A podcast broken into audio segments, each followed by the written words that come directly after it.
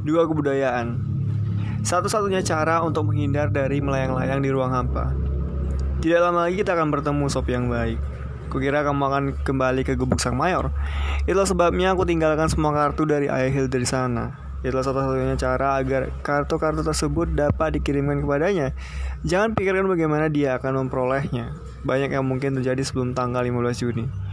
Kita telah tahu bagaimana para filsuf Helenistik mendaur ulang gagasan-gagasan para filsuf sebelumnya. Plotinus nyaris menyatakan Plato sebagai penyelamat umat manusia. Tapi seperti yang kita tahu, seorang penyelamat lain dilahirkan dalam periode yang baru saja kita bicarakan. Dan itu terjadi di luar wilayah Yunani Romawi. Yang kumaksudkan adalah Yesus dari Nazaret.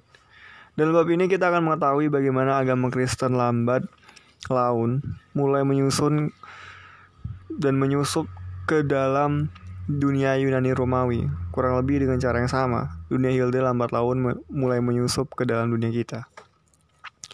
Yesus adalah seorang Yahudi, dan bangsa Yahudi termasuk kebudayaan Semit. Bangsa Yunani dan Romawi termasuk budaya Indo-Eropa. Peradaban Eropa berakar pada kedua kebudayaan itu. Tapi sebelum kita mempelajari lebih jelas tentang cara agama Kristen mempengaruhi kebudayaan Yunani Romawi, kita harus menelaah dulu akar-akar ini.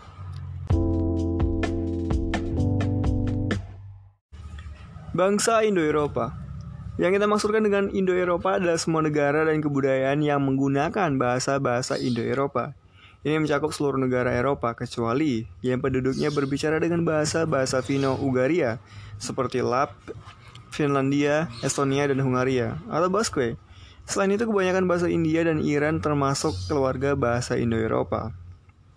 Kira-kira 4000 tahun yang lalu, bangsa-bangsa Indo-Eropa yang masih primitif tinggal di wilayah-wilayah yang membatasi Laut Hitam dan Laut Kaspia.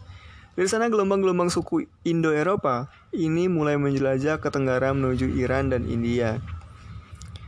Ke barat daya menuju Yunani, Italia dan, dan Spanyol, ke barat melalui Eropa Tengah, menuju Prancis dan Inggris, ke barat laut menuju Skandinavia dan ke utara menuju Eropa Timur dan Rusia. Ke mana pun mereka pergi, bangsa-bangsa Indo-Eropa itu membaurkan diri dengan kebudayaan setempat. Meskipun bahasa-bahasa Indo-Eropa dari aga dan agama Indo-Eropa memainkan peranan kuat. Kita Veda India kuno dan filsafat Yunani.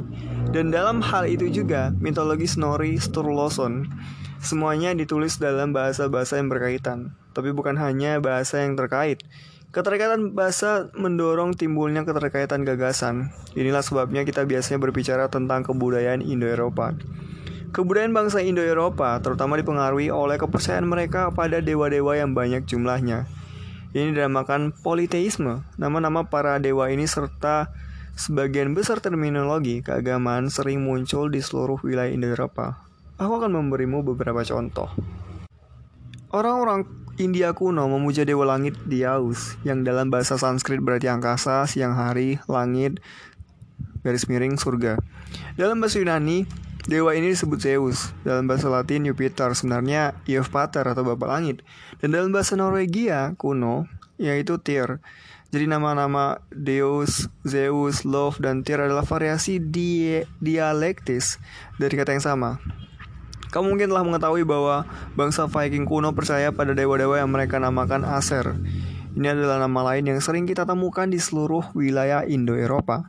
Dalam bahasa Sanskrit, bahasa klasik India kuno, dewa-dewa ini dinamakan Asura, dan dalam bahasa Persia, Ahura. Kata lain untuk dewa adalah Deva dalam bahasa Sanskrit, Daeva dalam bahasa Persia, Deus dalam bahasa Latin, dan Tifur dalam bahasa Norwegia kuno. Pada zaman kejayaan Viking, orang-orang juga percaya pada kelompok dewa kesuburan seperti Njord, Freyr, dan Freya. Dewa-dewa ini disebut dengan nama kolektif khusus, Vaner, sebuah kata yang terkait dengan nama latin untuk dewi kesuburan, Venus. Bahasa Sanskrit yang mempunyai kata yang sama yaitu Vani, yaitu berarti hasrat. Beberapa mitos Indo-Eropa juga memiliki keterkaitan yang jelas.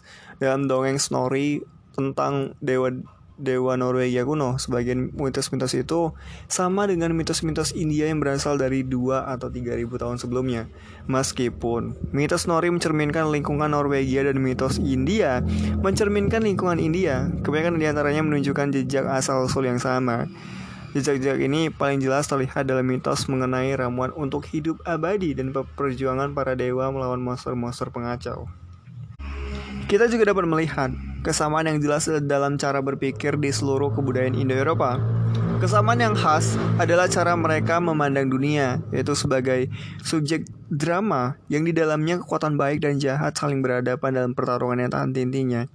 Bangsa Indo-Eropa karenanya sering berusaha untuk meramalkan bagaimana peperangan antara kebaikan dan kejahatan akan diakhiri. Ada benarnya jika orang mengatakan bahwa bukan kebetulan kalau filsafat Yunani berasal dari lingkungan kebudayaan Indo-Eropa. Mitologi India, Yunani, dan Norwegia semuanya mempunyai kecenderungan pada pandangan dunia yang filosofis atau spekulatif. Bangsa Indo-Eropa mencari wawasan ke dalam sejarah dunia kita bahkan dapat melacak sebuah kata tertentu untuk wawasan atau pengetahuan dari satu kebudayaan ke kebudayaan lain di seluruh dunia Indo-Eropa. Dalam bahasa Sanskrit, itu dinamakan vidya. Kata itu identik dengan kata Yunani idea yang sangat penting dalam filsafat Plato.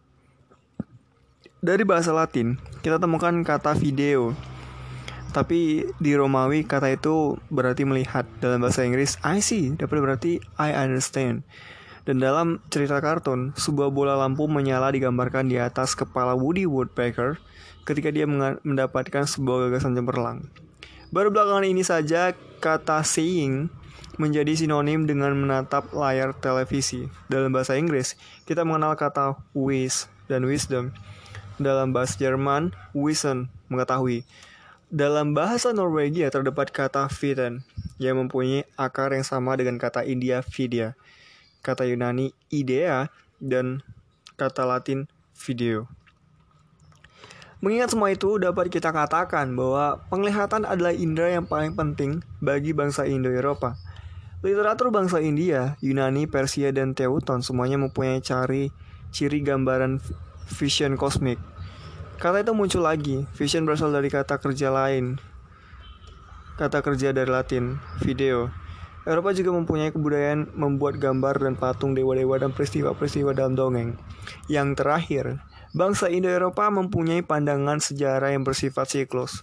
Mereka percaya bahwa sejarah berlangsung dalam lingkungan tertutup, sebagaimana musim-musim dalam setahun. Oleh karena itu, tidak ada awal dan tidak ada akhir bagi sejarah, namun ada berbagai peradaban yang jatuh bangun dalam peristiwa saling pengaruh yang abadi antara kelahiran dan kematian. Kedua agama besar dari timur itu, Hindia dan Buddha, asalnya adalah dari Indo-Eropa. Demikian pula filsafat Yunani dan kita dapat melihat adanya sejumlah paralel yang nyata antara ajaran Hindu dan Buddha di satu pihak dan filsafat Yunani di pihak lain. Bahkan hingga sekarang, ajaran Hindu dan Buddha syarat dengan renungan filosofis. Tidak jarang kita temukan dalam ajaran Hindu dan Buddha suatu penekanan bahwa Dewa-dewa itu ada di semua benda, panteisme, dan bahwa manusia dapat menjadi satu dengan Tuhan melalui pengalaman religius. Ingat plot ini, Sophie. Untuk mencapai ini diperlukan praktik penyatuan diri yang mendalam atau meditasi.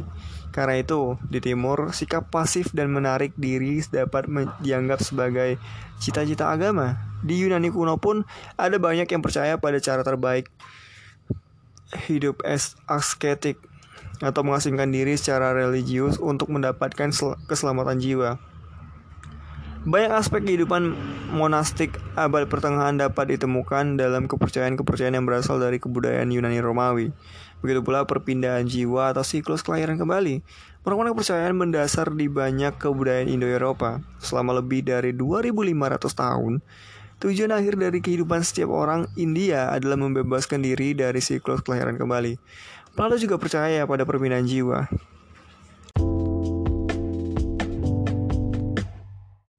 Bangsa Semit Mari kita kembali pada bangsa Semit, Sophie. Mereka termasuk dalam kebudayaan yang sama sekali berbeda dengan bahasa yang sama sekali berbeda pula. Bangsa Semit berasal dari Jazirah Arab, tapi mereka juga bermigrasi ke bagian-bagian dunia yang lain. Bangsa Yahudi hidup jauh dari tanah air mereka selama lebih dari 2000 tahun. Sejarah dan agama Semit mencapai tempat-tempat yang jauh dari akarnya melalui ajaran Kristen, meskipun kebudayaan Semit juga tersebar luas lewat ajaran Islam. Ketiga agama baru itu, Yahudi, Kristen, dan Islam, sama-sama berlatar belakang Semit. Kitab agama Islam, Al-Quran, dan kitab suci agama Kristen perjanjian lama ditulis dalam perumpun bahasa Semit. Salah satu kata dari perjanjian lama untuk Tuhan membuat mempunyai akar semantik yang sama dengan kata Allah yang dipakai ke kaum muslim. Kata Allah berarti sederhana sekali, Tuhan. Dalam hal agama Kristen, gambarannya agak lebih rumit. Agama Kristen juga mempunyai latar belakang Semit, tapi perjanjian baru ditulis dalam bahasa Yunani. Rumusan teologi atau credo Kristen telah dipengaruhi oleh filsafat Yunani dan Latin, dan karenanya juga telah oleh filsafat Helenistik. Bangsa Indo-Eropa percaya pada banyak dewa yang berbeda, juga merupakan ciri khas bangsa Semit bahwa sejak zaman dulu mereka telah disatukan oleh kepercayaan pada satu Tuhan. Ini dinamakan monoteisme. Agama Yahudi, Kristen, dan Islam semuanya mempunyai gagasan dasar yang sama, yaitu bahwa hanya ada satu Tuhan.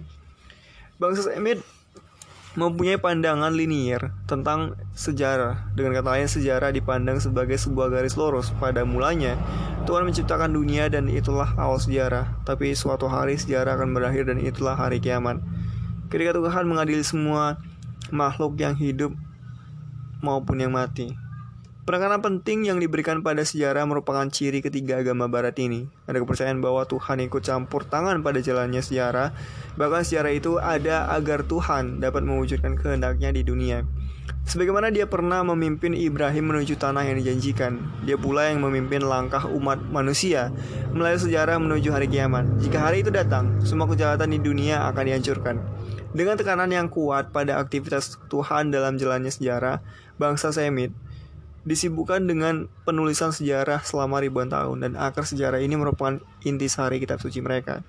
Bahkan pada zaman sekarang, kota Yerusalem merupakan pusat agama yang sangat penting bagi orang-orang Yahudi, Kristen, dan Islam. Ini menunjukkan kesamaan latar belakang ketiga agama tersebut. Di kota itu terdapat beberapa sinagoge Yahudi, gereja Kristen, dan masjid Islam terkemuka.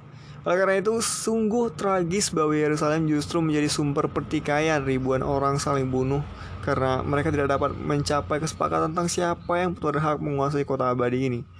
Semoga PBB suatu hari nanti dapat membuat Yerusalem menjadi kue soci bagi ketiga agama tersebut.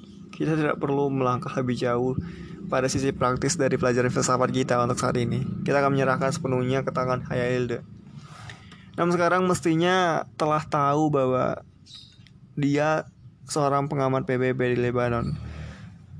Tepatnya dapat dikatakan bahwa dia berpangkat mayor. Jika kamu mulai dapat memahami beberapa kaitan yang ada, memang sudah seharusnya begitu. Tapi sebaiknya kita tidak meramaikan peristiwa apa pun. Kita ketahui bahwa indera yang paling penting bagi bangsa Indo-Eropa adalah penglihatan.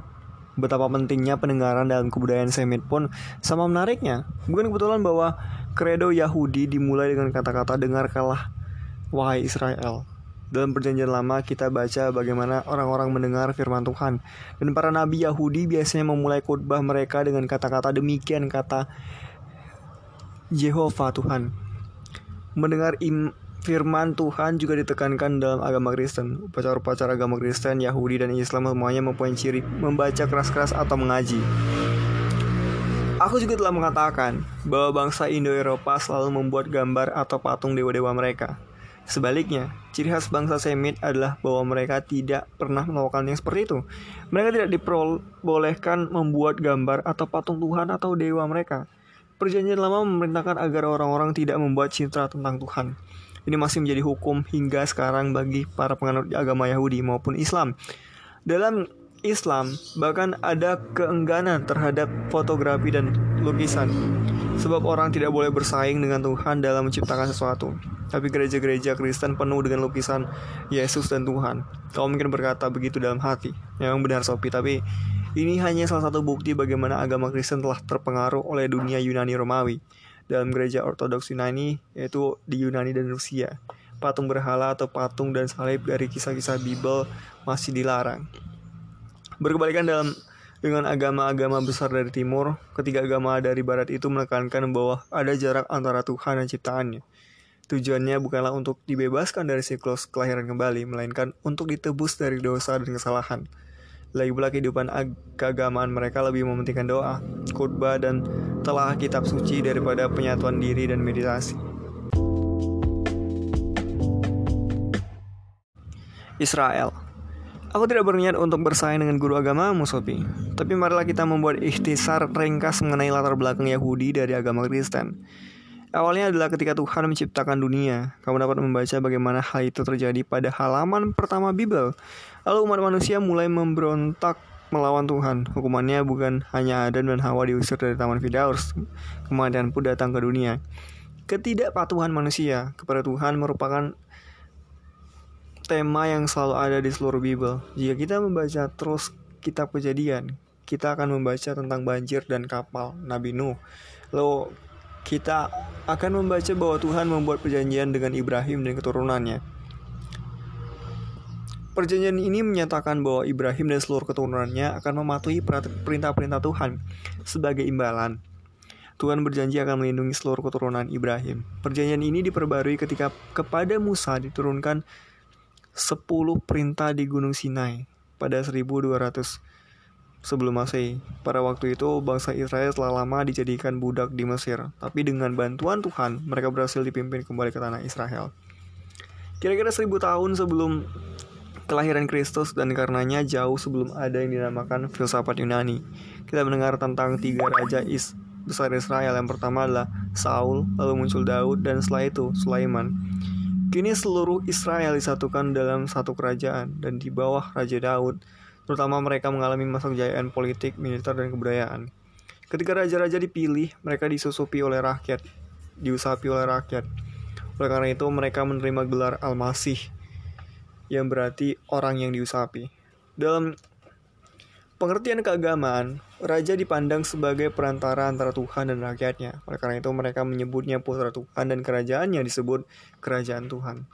Tapi tak lama kemudian, Israel mulai kehilangan ke kekuasaan dan kerajaan dibagi menjadi kerajaan utara Israel dan kerajaan selatan Yudea. Pada 722 sebelum Masehi, kerajaan utara ditaklukkan oleh bangsa Assyria dan kehilangan seluruh kekuatan politik dan keagamaannya. Kerajaan Selatan mengalami nasib yang tidak lebih baik karena ditaklukkan oleh bangsa Babilonia pada 586 sebelum Masehi. Kuilnya dihancurkan dan kebanyakan rakyat yang dijadikan budak di Babylon. Penaklukan Babilonia ini berlangsung hingga 539 sebelum Masehi ketika rakyat Yudea diizinkan untuk kembali ke Yerusalem. Dan kuil besar itu dibangun kembali, tapi selama sisa masa sebelum kelahiran Kristus, bangsa Yahudi terus hidup di bawah dominasi kekuatan asing. Pertanyaan yang selalu diajukan oleh bangsa Yahudi pada diri mereka sendiri adalah mengapa kerajaan Daud dihancurkan dan mengapa bencana demi bencana menimpa mereka. Padahal Tuhan telah berjanji akan menjaga Israel, tapi orang-orang itu juga berjanji akan mematuhi perintah-perintah Tuhan. Maka lambat laun dapat, dapat diterima secara luas bahwa Tuhan sedang menghukum Israel karena ketidakpatuhan mereka. Sejak sekitar 750 sebelum Masehi, banyak nabi berdatangan untuk mengkhotbahkan kemurkaan Tuhan terhadap Israel karena tidak mematuhi perintah-perintahnya. Suatu hari Tuhan akan menyelenggarakan hari penghakiman bagi Israel. Kata kata mereka, kita menyebut ramalan semacam ini sebagai ramalan hari kiamat. Sementara waktu berlalu, datang nabi-nabi lain yang menggambarkan bahwa Tuhan akan menebus sedikit orang terpilih dan mengirimkan ke tengah mereka seorang pangeran perdamaian atau raja dari rumah Daud. Dia akan membangun kembali kerajaan lama Daud dan rakyat akan mempunyai masa depan penuh kemakmuran. Bangsa yang berjalan dalam kegelapan dan akan melihat cahaya terang, kata Nabi Yesaya. Dan mereka yang berada di negeri ke dalam kekelaman, atasnya terang telah bersinar. Kita menyebut ramalan semacam ini sebagai ramalan penebusan. Ringkasnya, Bani Israel hidup bahagia di bawah pemerintahan Raja Daud.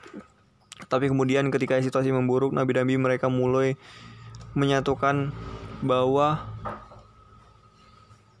suatu hari nanti akan datang seorang raja baru dari rumah Daud. Menurut kepercayaan mereka, Al-Masih ini akan menebus rakyat, mengembalikan Israel pada kejayaannya, kejayaannya dan mendirikan kerajaan Tuhan.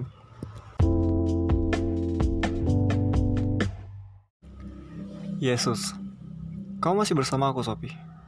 Jadi, Al-Masih, Putra Tuhan, dan Kerajaan Tuhan adalah kata-kata kuncinya. Mula-mula semua istilah itu diartikan secara politis. Pada masa hidup Yesus, banyak orang yang membayangkan bahwa akan datang seorang Almasih dalam pengertian seorang pemimpin politik, militer, dan keagamaan sekali Raja Daud. Penyelamat ini karenanya dipandang sebagai seorang pembebas bangsa yang akan mengakhiri penderitaan bangsa Yahudi di bawah dominasi Romawi. Memang bagus, tapi banyak juga orang yang mempunyai pandangan lebih jauh. Selama 200 tahun terakhir telah datang nabi-nabi yang percaya bahwa Al-Masih yang dijanjikan akan menjadi penyelamat seluruh dunia. Dia tidak hanya akan membebaskan bangsa Israel dari penindasan asing, tapi dia pun akan menyelamatkan seluruh umat manusia dari dosa dan kesalahan. Dan yang tidak kalah pentingnya, dari kematian. Kerinduan akan keselamatan dalam pengertian ke penebusan itu tersebar luas di seluruh dunia Helenistik. Kemudian datanglah Yesus dari Nazaret. Dia satu-satunya orang yang pernah datang sebagai Almasih yang dijanjikan. Dengan menggunakan istilah Almasih, dia menegaskan pertaliannya dengan nabi-nabi terdahulu. Dia menuju Yerusalem dan membiarkan dirinya dinyatakan oleh orang banyak sebagai penyelaman, sehingga secara langsung menapak jalan raja-raja sebelumnya yang dinobatkan dalam ritual kenaikan tahta yang khas. Dia juga membiarkan dirinya ditahbiskan oleh rakyat. Tapi di sini, ada hal yang sangat penting. Yesus membedakan dirinya dari semua almasih lain dengan menyatakan secara tegas bahwa dia bukanlah seorang pemberontak militer atau politik. Misinya jauh lebih besar. Dia mengkhotbahkan keselamatan dan ampunan Tuhan bagi semua orang. Jadi beginilah situasinya. Banyak sekali orang pada masa hidup Yesus sedang menunggu-nunggu seorang almasih yang akan membangun kembali negeri Israel dengan tiupan trompet yang membahana, dengan kata lain dengan api dan pedang. Tetapi Yesus datang justru dengan ajaran untuk mencintai tetangga, mengasihi orang yang lemah dan miskin, dan mengampuni orang yang bersalah. Ini adalah suatu perubahan dramatis, mengingat nada-nada perang yang bergema pada masa itu. Orang-orang mengharapkan datangnya seorang pemimpin militer yang akan segera memproklamasikan pendirian negeri Israel. Dan datanglah Yesus dengan tunik dan sandal mengatakan bahwa kerajaan Allah atau perjanjian baru berwujud ajaran mencintai tetanggamu sebagaimana kamu mencintai diri sendiri. Bukan hanya itu, Sophie. Yesus juga berkata bahwa kita harus mencintai musuh-musuh kita.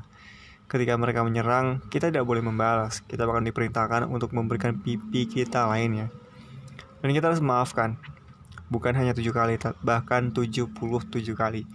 Yesus sendiri membuktikan bahwa dirinya tidak segan-segan untuk berbicara dengan para pelacur lintah darat, dan pemberontak politik. Dia bahkan melangkah lebih jauh dengan mengatakan bahwa seseorang yang telah menghabiskan dengan sia-sia seluruh warisan dari bapaknya atau seorang pengumpul pajak yang telah mencuri dana negara tetap diterima sebagai hamba Tuhan jika dia bertobat dan mohon ampun. Karena begitu besarnya belas kasihan Tuhan.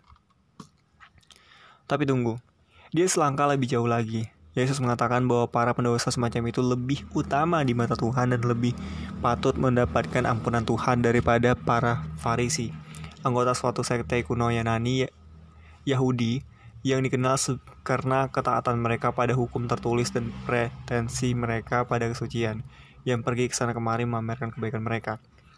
Aku akan menyerahkan telaah yang lebih mendalam tentang Yesus dan ajaran-ajarannya kepada guru agamamu dia memang yang lebih berhak mengajar. Kurap dia berhasil menunjukkan betapa luar biasanya Yesus itu dengan cara yang sangat cerdik. Dia menggunakan bahasa zamannya untuk memberikan kepada rakyat yang haus perang itu suatu ajaran yang sama sekali baru dan lebih luas. Kabar yang dibawanya sangat berbeda dari kepentingan pihak yang berkuasa saat itu. Sehingga dia pun diadili dan dihukum mati di tiang salib. Ketika dia berbi ketika kita berbicara tentang Socrates, kita tahu betapa berbahayanya menggugah akal masyarakat. Dengan Yesus kita tahu betapa berbahayanya menuntut rasa persaudaraan tanpa syarat dan ampunan tanpa syarat.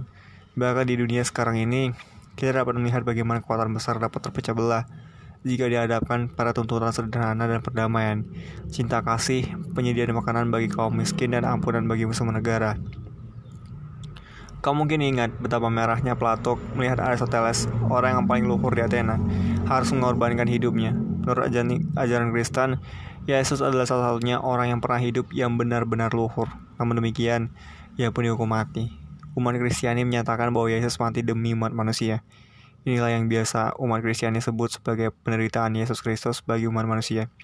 Ia adalah hamba Tuhan yang menderita. Ia menebus dosa seluruh umat manusia sehingga kita bisa diampuni dan selamat dari murka Tuhan.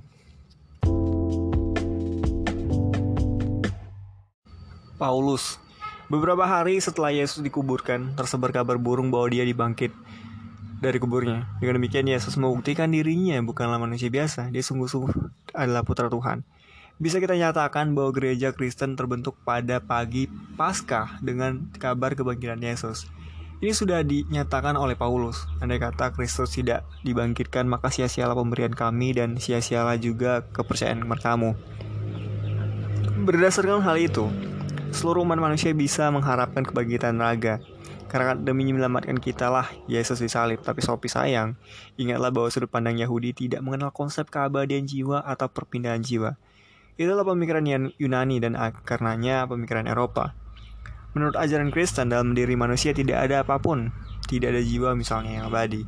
Namun gereja Kristen percaya pada kebangkitan kembali raga dan kehidupan abadi, dan hanya dengan mukjizat Tuhan kita diselamatkan dari kematian dan kutukan. Maka para penganut Kristen awal mulai menyebarkan kabar gembira mengenai keselamatan melalui iman kepada Yesus Kristus. Melalui perantaranya, kerajaan Tuhan akan menjadi kenyataan kini seluruh dunia dapat diselamatkan berkat Kristus. Kata Kristus adalah, terjemahan bahasa Yunani dari kata Ibrani, Mesaya, yang diusapi. Beberapa tahun setelah kebangkitan Yesus, seorang Farisi, Paulus, beralih ke agama Kristen. Melalui banyak perjalanan misionaris yang dilakukannya ke seluruh dunia Yunani Romawi, dia membuat agama Kristen menjadi agama dunia. Kita mengetahui hal ini dari kisah para rasul. Khotbah dan tuntunan Paulus bagi orang-orang Kristen kita ketahui dari banyak surat yang ditulis olehnya untuk para jemaat Kristen awal. Selanjutnya, dia muncul di Athena. Dia langsung menuju alun-alun kota yang merupakan pusat filsafat dan dikatakan bahwa sangat sedih hatinya karena dia melihat seluruh kota tenggelam dalam permujian berhala. Dia mengunjungi sinagage Yahudi di Athena dan mengadakan pembicaraan dengan para filsuf Epikorean dan Stoik. Mereka membawanya naik ke bukit Aeropagos dan bertanya kepadanya, Bolehkah kami tahu ajaran baru yang sedang Anda bicarakan? Sebab Anda membawa hal-hal aneh ke telinga kami. Karena itu, kami ingin tahu apa arti semua ini. Dapatkah kamu bayangkan, Sophie? Seorang Yahudi tiba-tiba muncul di pasar Athena dan mulai berbicara tentang seorang penyelamat. Bahkan dari kunjungan Paulus ke Athena ini, kita dapat merasakan bentrokan antara filsafat Yunani dan doktrin Kristen mengenai penebusan. Tapi Paulus benar-benar berhasil membuat orang-orang Athena mendengarkan penjelasannya. Dari Aeropagos dan di bawah kuil-kuil Akropolis yang pongah, dia menyampaikan pidato berikut ini. Kalian orang-orang Athena, aku lihat bahwa dalam segala hal kalian terlalu percaya tahayul sebab ketika aku lewat dan melihat kebaktian kalian, aku temukan sebuah altar dengan tulisan ini untuk dewa yang tak dikenal. Karena itu dia yang kalian sembah tanpa mengenalnya akan kuperkenalkan pada kalian. Tuhan yang membuat dunia beserta seluruh isinya adalah Tuhan langit dan bumi. Tidak berada di kuil-kuil yang dibangun dengan tangan dia pun tidak dilayani oleh tangan manusia seakan-akan dia membutuhkan sesuatu, padahal dia memberikan seluruh kehidupan dan napas pada dan segalanya. Dan dia telah membuat seluruh umat manusia dari satu orang saja dan tinggal di segenap permukaan bumi dan telah menetapkan waktu sebelum ditetapkan dan batasan-batasan dari tempat tinggal mereka bahwa mereka hendaknya mencari Tuhan meskipun dia tidak jauh dari kita semua sebab dalam dirinya kita hidup dan bergerak dan menjadi ada kita hendaknya tidak menganggap bahwa keadaan Tuhan itu dapat disamakan dengan emas atau perak atau batu yang diukir dengan seni dan alat manusia. Masa ketidaktahuan akan Tuhan itu telah lewat dan kini perintahkan semua manusia di mana maga agar bertobat. Sebab dia telah menetapkan suatu hari di mana dia akan menghakimi dunia dan dalam kebenaran melalui manusia yang telah ditetapkannya. Dia telah memberikan janji kepada semua manusia bahwa dia akan membangkitkannya dari kematian. Paulus di Athena, Sophie. Agama Kristen telah menyusup ke dalam dunia Yunani Romawi sebagai sesuatu yang lain. Sesuatu yang sama sekali berbeda dari filsafat Epikurean, Stoik, atau Neoplatonik. Tapi Paulus tetap menemukan landasan yang sama dalam kebudayaan ini. Dia menekankan bahwa pencarian Tuhan akan Tuhan itu wajar bagi seluruh manusia. Ini tidak baru bagi seorang orang Yunani, tapi yang baru dari khotbah Paulus adalah bahwa Tuhan juga telah mengungkapkan dirinya kepada manusia dan sesungguhnya telah mencoba meraih mereka. Maka dia tidak lagi Tuhan filosofis yang dapat didekati manusia dengan pemahaman mereka. Dia pun bukan citra dari emas atau perak atau batu. Ada banyak sekali yang seperti itu. Baik di Akropolis maupun di dasar, dia adalah Tuhan yang tidak berada di kuil-kuil yang dibuat dengan tangan. Dia adalah Tuhan yang ikut campur dalam jalannya sejarah. Ketika Paulus telah mengucapkan pidatonya di Aeropagos, kita baca di kisah para rasul sebagian orang mencemooh mengenai kebangkitan kembali dari kematian. Tapi yang lain-lainnya berkata, kami mau mendengarmu lagi mengenai ini. Juga ada sebagian orang yang mengikuti Paulus dan mulai mempercayai ajaran Kristen. Salah seorang di antara mereka perlu dicatat adalah seorang wanita bernama Damaris. Kaum wanita termasuk mualaf Kristen paling gigih. Maka Paulus meneruskan aktivitas misionarisnya. Beberapa Dasa warsa kemudian, jemaat-jemaat Kristen telah didirikan di seluruh kota penting Yunani dan Romawi, di Athena, di Roma, di Alexandria, dan di Ephesus dan di Korin. Dalam rentang waktu 3 hingga 400 tahun seluruh dunia Helenistik telah menjadi Kristen.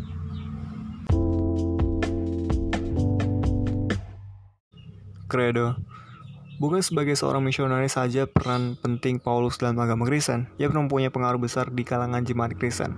Ada satu kebutuhan akan tuntunan rohani. Satu pertanyaan penting pada tahun-tahun permulaan Yesus adalah apakah orang bukan Yahudi dapat memeluk agama Kristen tanpa menjadi orang Yahudi dulu? Haruskah seorang Yunani misalnya mematuhi aturan tentang makanan? Paulus yakin itu tidak perlu. Agama Kristen itu lebih dari sekadar sekte Yahudi. Agama itu ditujukan untuk setiap orang dengan pesan keselamatan universal. Perjanjian lama antara Tuhan dan Israel telah digantikan dengan perjanjian baru yang dibuat antara Tuhan dan seluruh umat manusia. Namun agama Kristen bukan satu-satunya agama pada waktu itu. Kita telah mengetahui bagaimana Helenisme dipengaruhi oleh penyatuan beberapa agama. Oleh karena itu, gereja perlu mengedepankan suatu ikhtisar ringkas mengenai doktrin Kristen, baik untuk membedakannya dengan agama-agama lain maupun untuk mencegah terjadinya perpecahan di dalam gereja Kristen. Oleh karena itu, kredo pertama diterapkan dengan meringkas dogma-dogma atau ajaran-ajaran pokok Kristen. Catatan tambahan akan aku kemukakan sepatah dua kata tentang bagaimana semua ini saling berkaitan. Topik yang baik. Ketika agama Kristen masuk ke dunia Yunani Romawi, kita menyaksikan suatu pertemuan dramatis dari dua kebudayaan. Kita juga menyaksikan salah satu revolusi besar kebudayaan dalam sejarah. Kita akan melangkah keluar dari zaman Yunani kuno, hampir seribu tahun lebih lewat sejak masa hidup para filsuf Yunani awal di depan. Kita telah menanti abad pertengahan Kristen, yang juga berlangsung selama kira-kira seribu tahun. Penyair Jerman, Goethe, pernah berkata bahwa orang yang tidak dapat belajar dari masa 3000 tahun berarti dia tidak manfaatkan akalnya. Aku tidak ingin kamu berakhir dengan keadaan yang begitu menyedihkan. Aku akan melakukan apa yang dapat kulakukan untuk memperkenalkanmu dengan akar sejarahmu. Itulah satu-satunya cara untuk menjadi seorang manusia. Itulah satu-satunya cara untuk menjadi lebih dari sekedar seekor kerat lanjang. Itulah satu-satunya cara agar kita tidak hanya melayang-layang di ruang hampa. Itulah satu-satunya cara untuk menjadi seorang manusia. Itulah satu-satunya cara untuk menjadi lebih dari sekedar seekor kerat lanjang. Sophie duduk sejenak menatap taman melalui lubang-lubang kecil di pagar tanaman. Dia mulai mengerti mengapa kita perlu mengetahui masa lalu kita, apalagi bagi Bani Israel. Dia sendiri hanya seorang manusia biasa, tapi jika mengenal akar sejarahnya, dia akan menjadi tidak begitu biasa lagi. Dia akan hidup di planet ini tidak lebih dari beberapa tahun saja. Tapi jika sejarah umat manusia adalah juga sejarah dirinya, dalam makna tertentu dia berarti telah berusia ribuan tahun.